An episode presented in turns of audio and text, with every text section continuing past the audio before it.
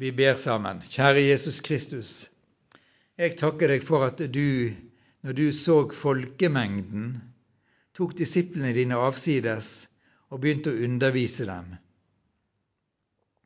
Og så underviste du dem veldig radikalt.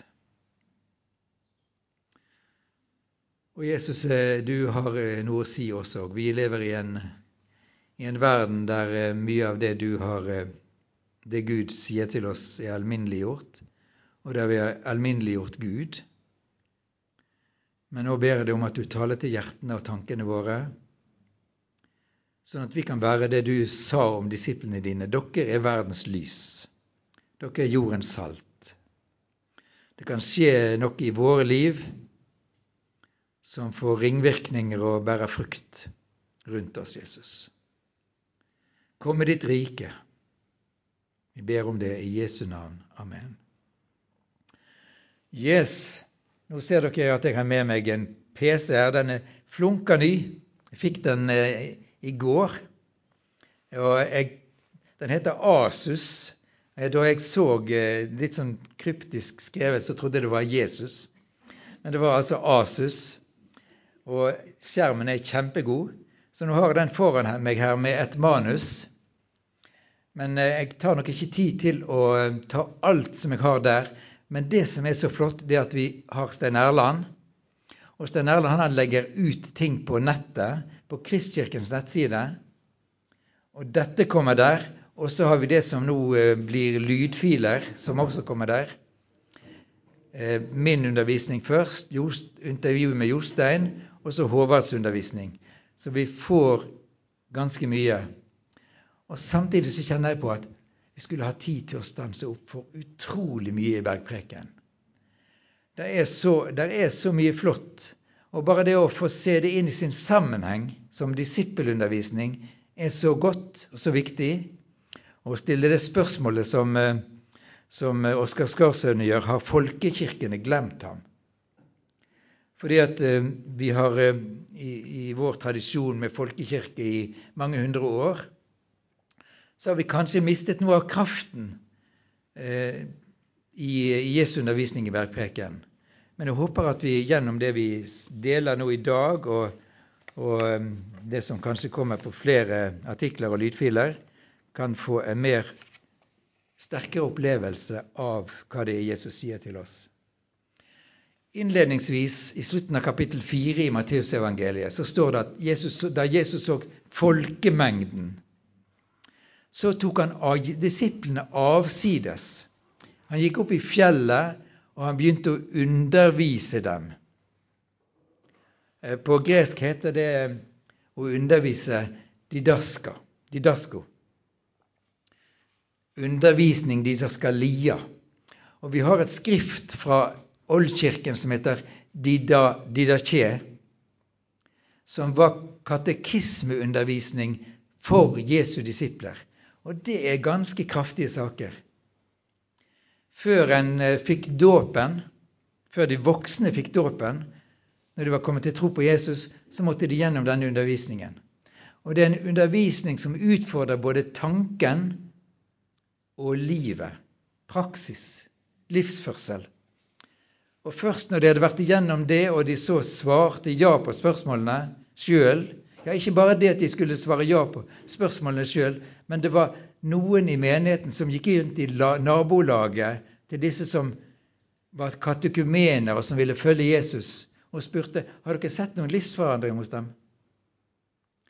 Og når de fikk bekreftet at det skjedde en forandring i livet, så var de klar for dåp. Og jeg tror at det er noe av det vi er inne på her nå i Bergpreken. For det er så radikalt det er Jesus, det er Jesus taler. Eh, mer radikalt enn det går opp for meg òg ved en førstegangslesing. Men dette er, dette er, ordene som ble gitt til disiplene i ja, de første disiplene, disiplene i urkirken, i oldkirken, og skal vi si helt fram til Konstantin og tiden etter han da det ble folkekirke så ble det snudd om. For når det ble folkekirke, keiseren var kristen, grunnloven ble kristen, lovgivningen ble kristen, så ble det så naturlig at folket var et kristent folk. Men disse skarpe ordene om å være Jesu disipler og følge Han og ta sitt kors opp og følge Han, de mister sin kraft. Nå står det rett nok etter bergpreken at, um, i slutten av kapittel 7 at folket var slått av undring over hans lære. For han lærte med myndighet og ikke som de skriftlærde. Kristendommen er ikke en mysteriereligion som er forbeholdt de få. Alt i Bibelen, alt i kristentroen, er åpent for alle. Det er meningen at hvem som helst skulle kunne få lese Bibelen. Men når Matteus skrev evangeliet sitt, så var det ikke bare for at en liten krets skulle ha tilgang til det, men det skulle nå, kunne nå ut til alle. Så de som hørte Jesus først, de var slått av undring. Og sånn er det jo med mange. De blir slått av undring over dette fantastiske evangeliet, den undervisningen til Jesus som er annerledes. Som utfordrer oss, som løfter alt til et høyere nivå. Som går dypere inn, som peker på livene våre på en annen måte, en ny måte. Mange blir slått av undring. Men kirkehistorien forteller også helt fra den første tid helt fra urkirken i Jerusalem forteller det at ikke alle likte det som ble sagt. Og Sånn er det i vår tid også. Når Jesus sier 'Den som vil følge etter meg, må ta sitt kors opp og følge meg'. Hva betyr det, å ta sitt kors opp og følge meg? Ja, Evangeliene utlegger det. Eh, brevene til Paulus utlegger det. Apostelens gjerninger åpenbaringsboken. Alt i Nytestamentet utlegger hva det betyr å ta sitt kors opp og følge Jesus.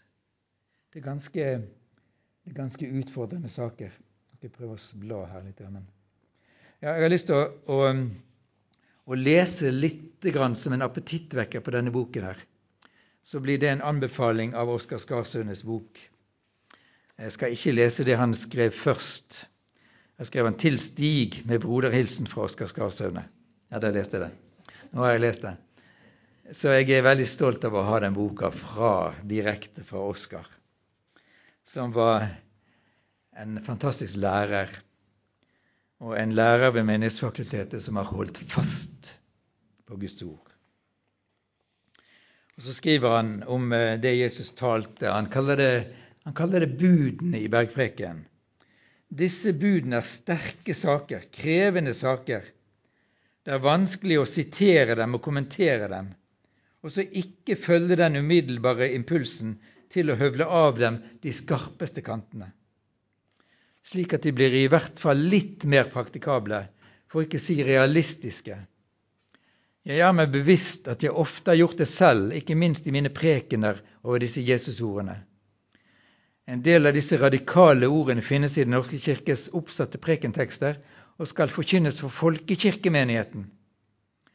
Jeg vet at det føles utfordrende og vanskelig, og vi predikanter ofte ut, feller, feiger ofte ut ved å omtale det Jesus sier her, som vanskelig tekst.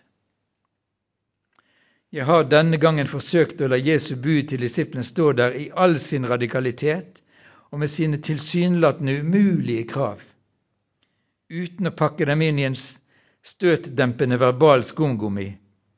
Jeg synes ikke Jesusordene er noe å skamme seg over, slik de står. I den tidlige kristen, kristendommen var han stolt over å ha en læremester som sa slike ting, og forlangte så mye av sine disipler. I vår egen tid her i Norge har nylig en ekskristen ateist sagt følgende om Jesu etiske undervisning. Jeg siterer Bjørn Sterk i boken 'Å sette verden i brann'. Mange som ikke har lest evangeliet om Jesus i Det nye testamentet, mangler, og mange som har lest dem, tror de vet hva de handler om. En mild moralfilosof som går rundt og helbreder folk og forteller dem at de skal være snille. Selvfølgeligheter. Men du finner ikke selvfølgeligheter hos Jesus. Evangeliene er rent krutt. Og nå er det altså en ateist som taler, men respekt for Jesus.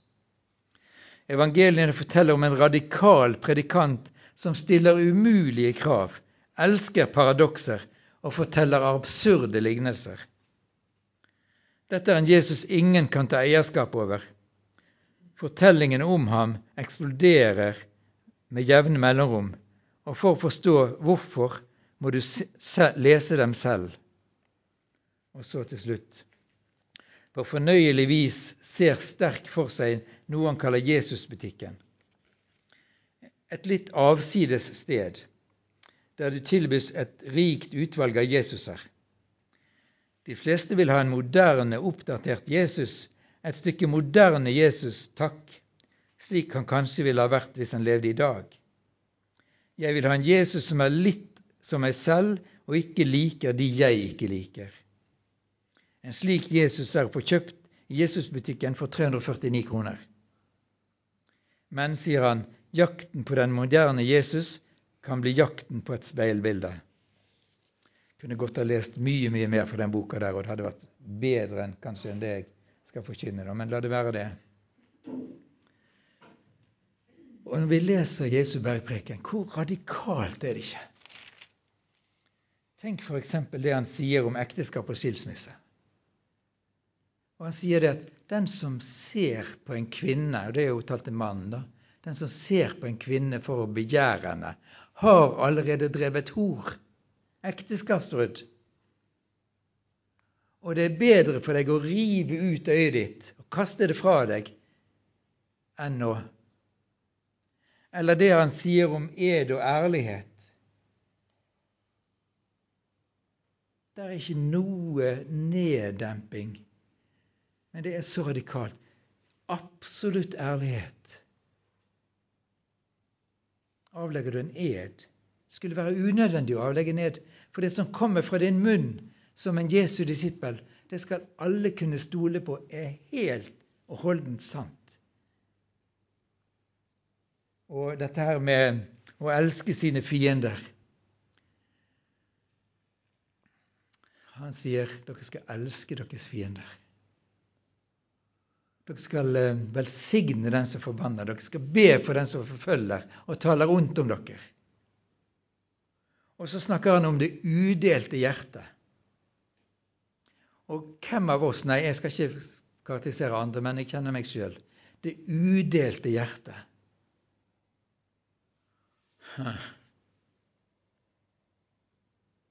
Hvor mye kan jeg si om meg sjøl at jeg har et udelt hjerte? Jeg er sannelig ikke sikker. Det, det, er så, det, er så, mye inni her. Det Er, da Jesaja møtte Gud i et syn, den allmektige, og serafene sang 'Hellig, hellig, hellig er Herren Sebaot', da falt Jesaja ned og sa 'Ved meg, det er ute med meg', for jeg er en mann med urene lepper som bor midt iblant et folk med urene lepper. Men hvor mye mer ligger det ikke i det at Jesus sier udelt hjerte?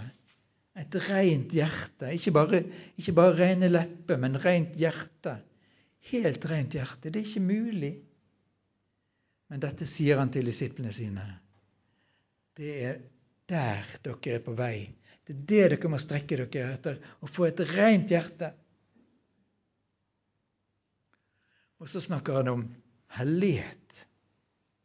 Han, ber, han lærer disiplene sine å be Fader vår, du som er i himmelen, la ditt navn helliges. La ditt navn helliges. Og det, det, det, bare, det bare skjærer, kjenner jeg, når vi vet hvordan navnet Jesus og personen Jesus midt i vår tid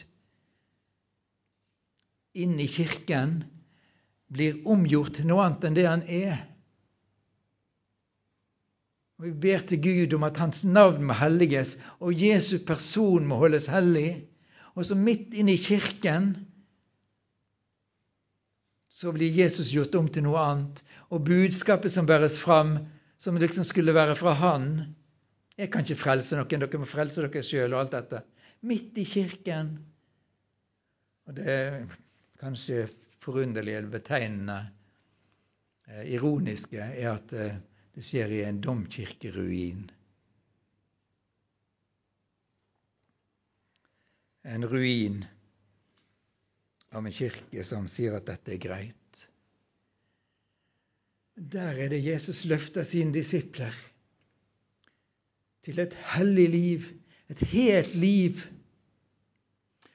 Og det å, dette ordet 'hellig' på hebraisk 'kadosh' eller på gresk 'hagios', det betyr noe som er atskilt, avsondret fra alt annet, over alt annet.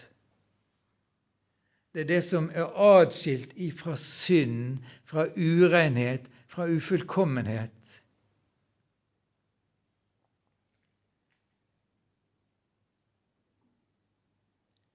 Den guddommelige renheten.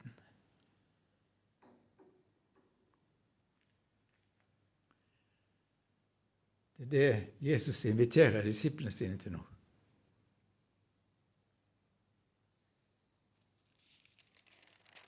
Den som ta, den som vil følge meg, må ta sitt kors opp og følge meg.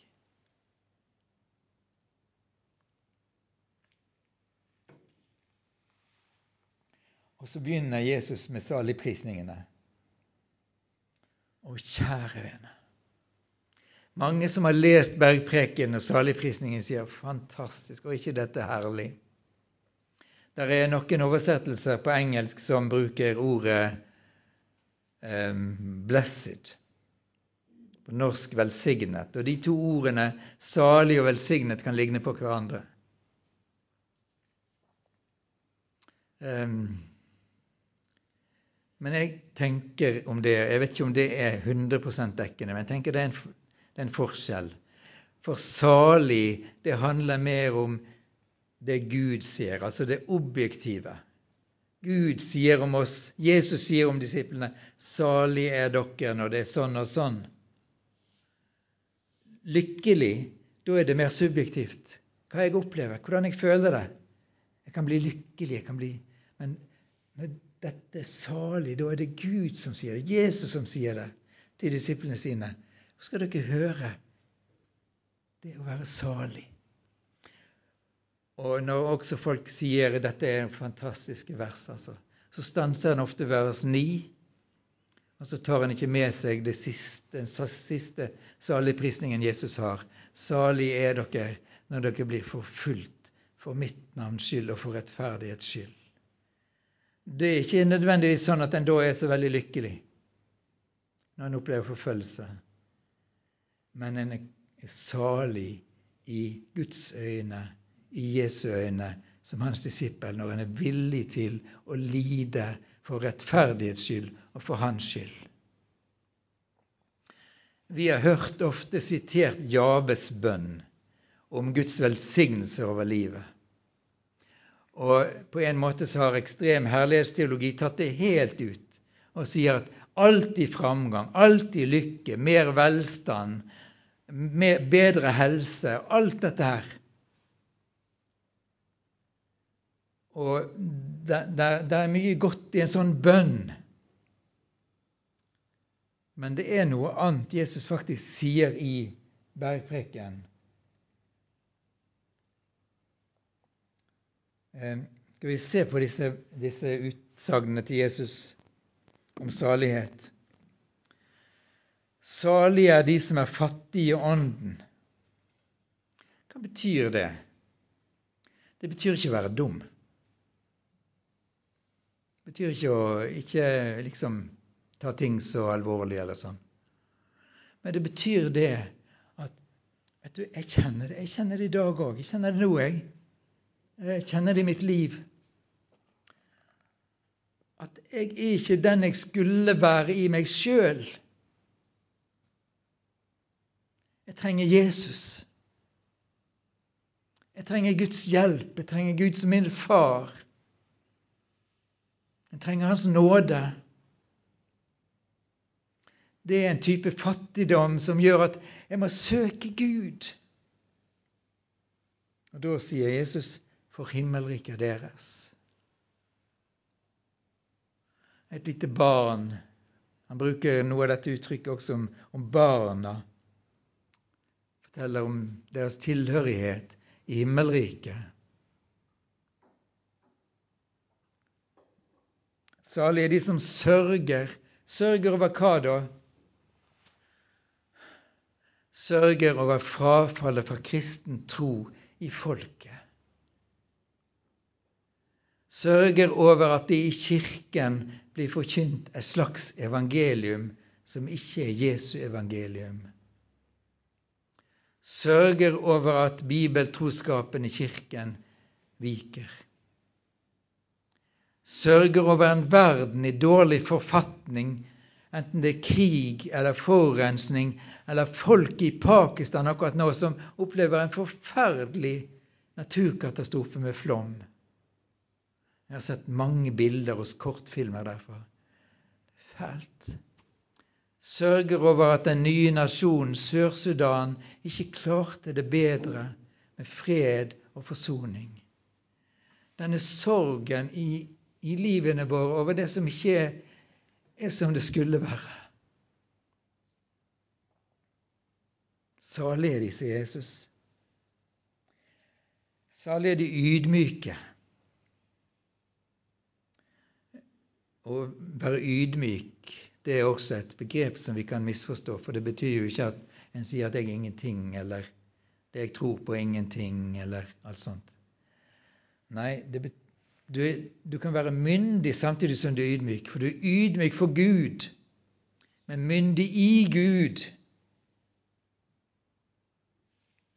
Og Noen vil vel si om meg at jeg av og til er litt for myndig. Jeg har ikke dekning for det, vil noen si. Hvem er du, liksom? Du er ikke biskop, du er ikke pave, du er ikke kardinal. Hvorfor sier du sånne ting som du gjør? Men hvis jeg har min myndighet i Gud og i Guds ord, så vet jeg hvem jeg kan være. Men ydmyk. Ydmyk både i møte med Gud og i møte med mennesker. for de skal arve jorden. Salig er de som hungrer og tørster etter rettferdigheten, for de skal mettes. Salig er de varmhjertige. Salig er de rene av hjerte, som vi har snakket om.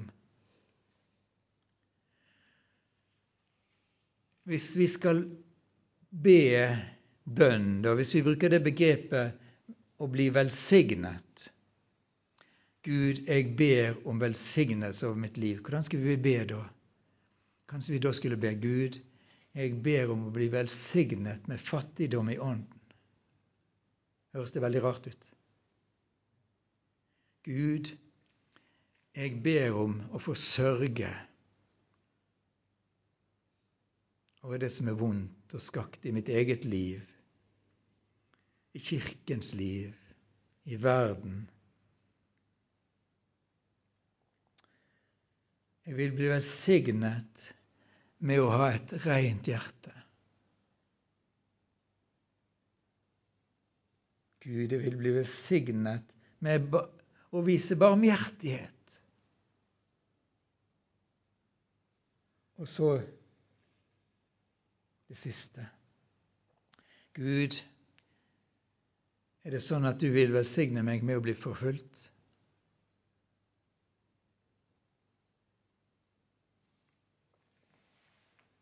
For din skyld og for rettferdighets skyld.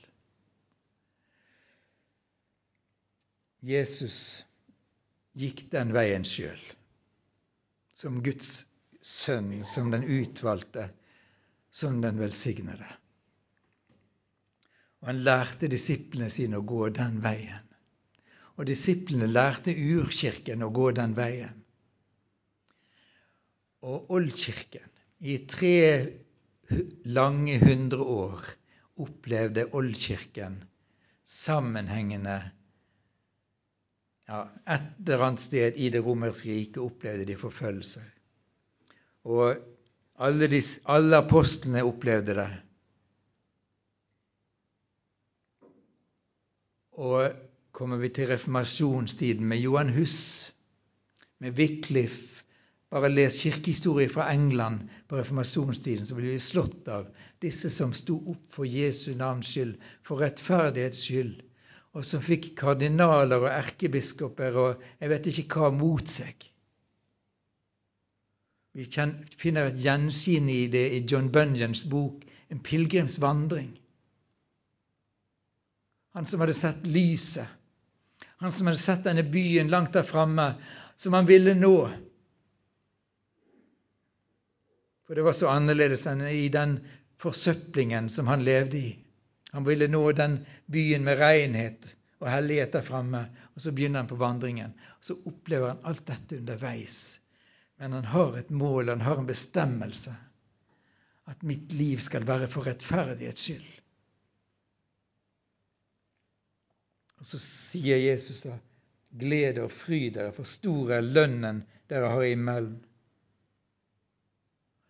Så lykke, hvis det er sånn som vi tenker at det er hvor vi opplever så lykkelige, så er det ikke det Jesus snakker om her.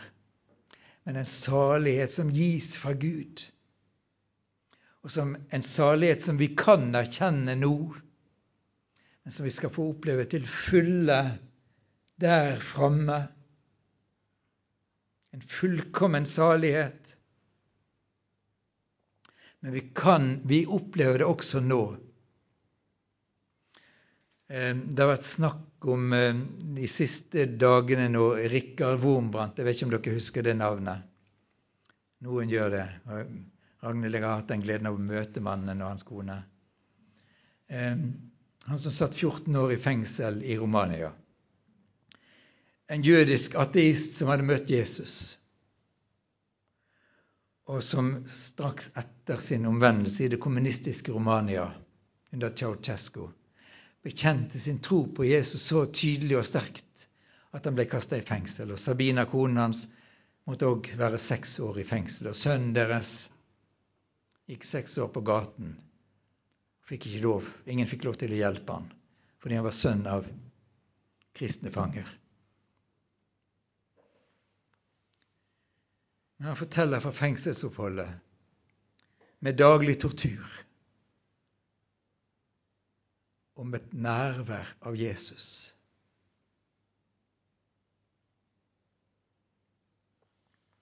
Og jeg kjenner utallige andre i den situasjonen som ikke kan gi opp bekjennelsen av navnet Jesus og under tortur og forfølgelse opplever et Jesus nærvær som er mer Det kan ikke beskrives med vanlig lykke. Det er noe mer.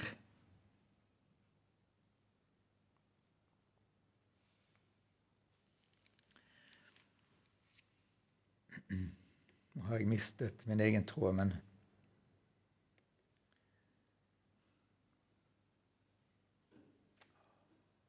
Ja, det får så være. Jeg har, jeg har en tråd i denne boken her.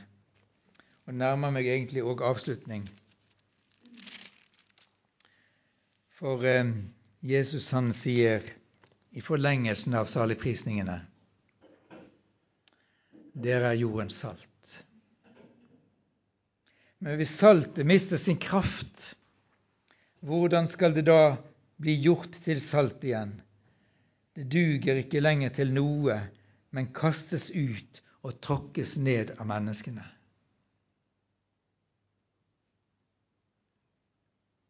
Det er sterkt ord.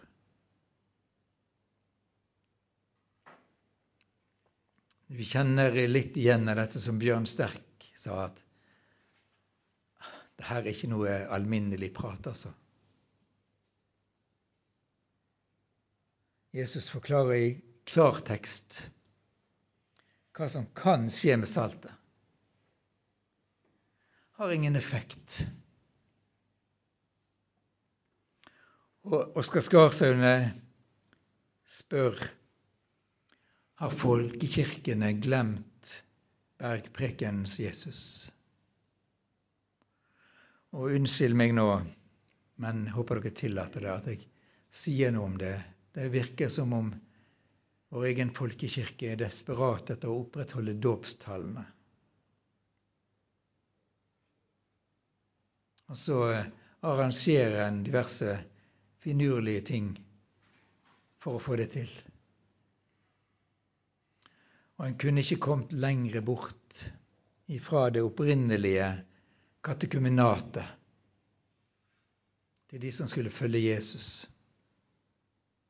Les mer om det i Oskar Skarsteines bok.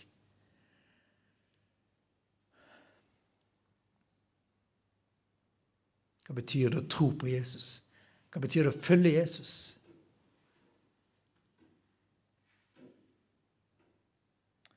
Saltet mister sin kraft. Og den inkluderende kirke, den rause kirke,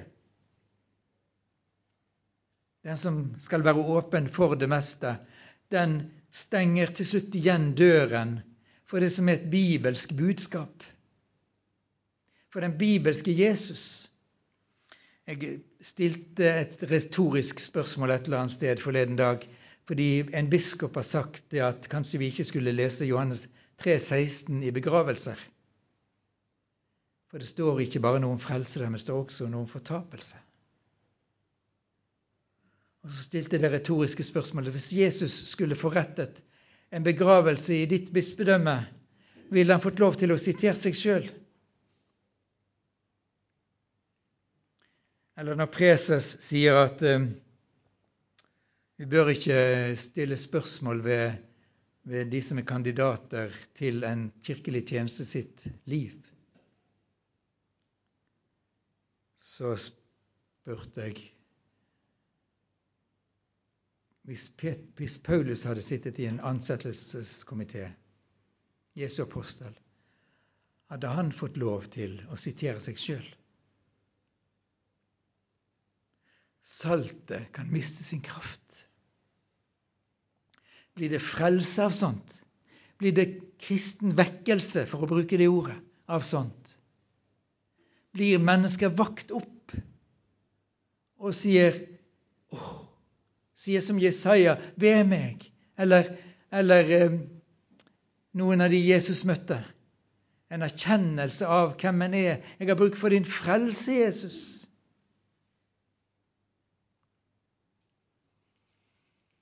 Hva med, hva med David?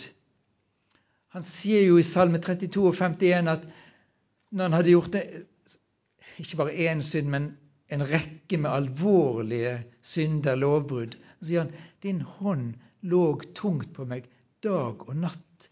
Min livskraft svant som ved sommerens hete. Det var erfaringen han hadde når han hadde syndet mot Gud.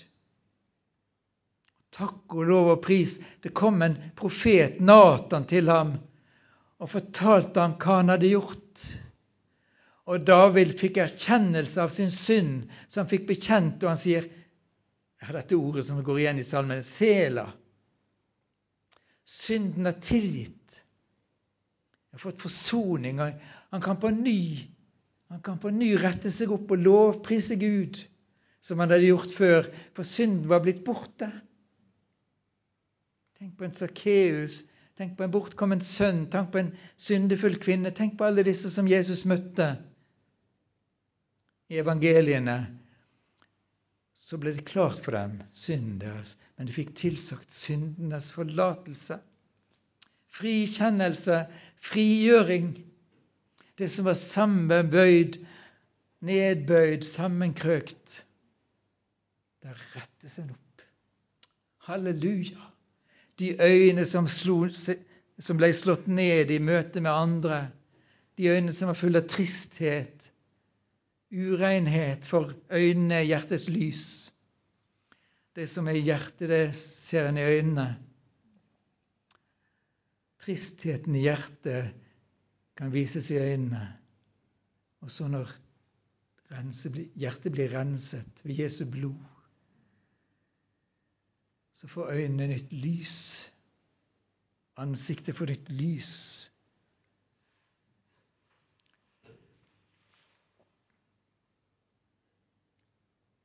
Bergpreken er radikal på flere måter.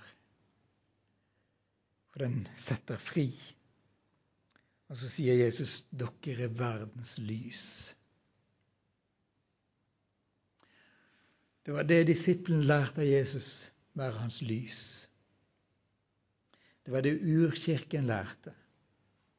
Det var det en levde med i generasjoner på generasjoner. De som ikke kunne la være å bekjenne Jesu navn, samme hva det kostet. Det fortelles fra Ålkirken, fra, fra, fra Kartago, der det var et stort stadion. Og Kartago var jo like kjent i oldtiden som Rom, som et kristent senter. Og det fortelles fra Kartago, under disse lekene som en hadde på stadion, der mennesker ble ført ut for å slåss mot ville dyr, at eh, kristne meldte seg. Det hadde ikke vært kjent at de var kristne, men de meldte seg. Og når folkemengden som satt der for å bivåne det her teateret, så de kristnes frimodighet og sterke tro, så var det tusener på tusener som igjen kom til tro på Jesus. Som løp ut på arenaen og sa vi er også kristne. Vi vil også være kristne. Det var den radikale Jesus-etterfølgelsen. Dere er verdens lys. Et lys som sprer seg. Et annet sted bruker Jesus bildet av surdeigen.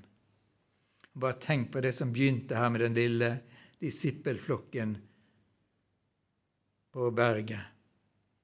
Det var jo ikke meningen til Jesus å holde de andre utenfor, men det skulle begynne et sted. Og Det skulle begynne et sted med virkelig etterfølgelse, virkelig Kristus-likt liv. Og så skulle det spre seg, så alle mennesker skulle få del i det. Jesus ville ikke holde noen utenfor, men han måtte begynne et sted. Og Sånn har det vært gjennom kirkehistorien. Det har spredt seg. Jeg har fulgt Kirken i Kina litt. Jeg har fulgt Kirken i Iran siden 1979 mye. Jeg følger Kirken i Somalia mye nå. Jeg ser hvordan det sprer seg.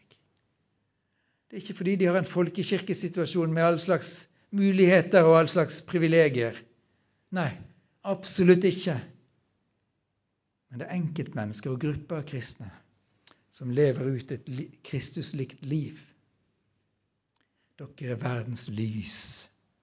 Dere er deigens surdeig. Det sprer seg. Det vokser.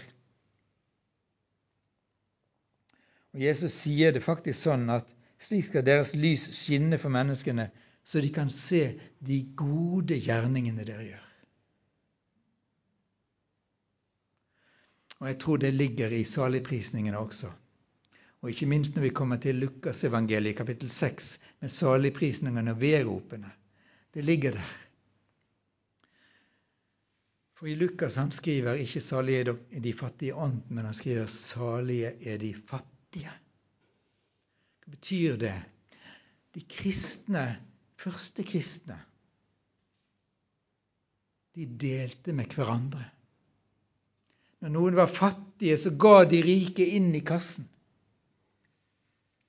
Når noen led nød, så hjalp de. Det er noe av dette verden ser. og Vi, ikke, vi har ikke bare en folkekirketradisjon med all slags privilegier, men vi er jo blitt så vant til i den vestlige verden at vi har alle ting. Hvis verden ser oss som kristne, at vi går all in for Jesus ser at vi er opptatt av de fattige rundt om i verden. De nødlidende. Ja, både i nærmiljøet og rundt, utover hele verden. Så vil verden si hva er det med disse kristne som er villige til å gi avkall på det ene etter det andre av godene som vi andre mener at vi bør ha, vil ha. Vi er stadig på jakt etter vekst. Men disse kristne er ikke på jakt etter veksten. Iallfall ikke for sin egen del. De er desperat etter å se at de som lider nød, de som opplever urettferdighet, de som opplever diskriminering, forfølgelse, at de må få hjelp. Fantastisk vitnesbyrd.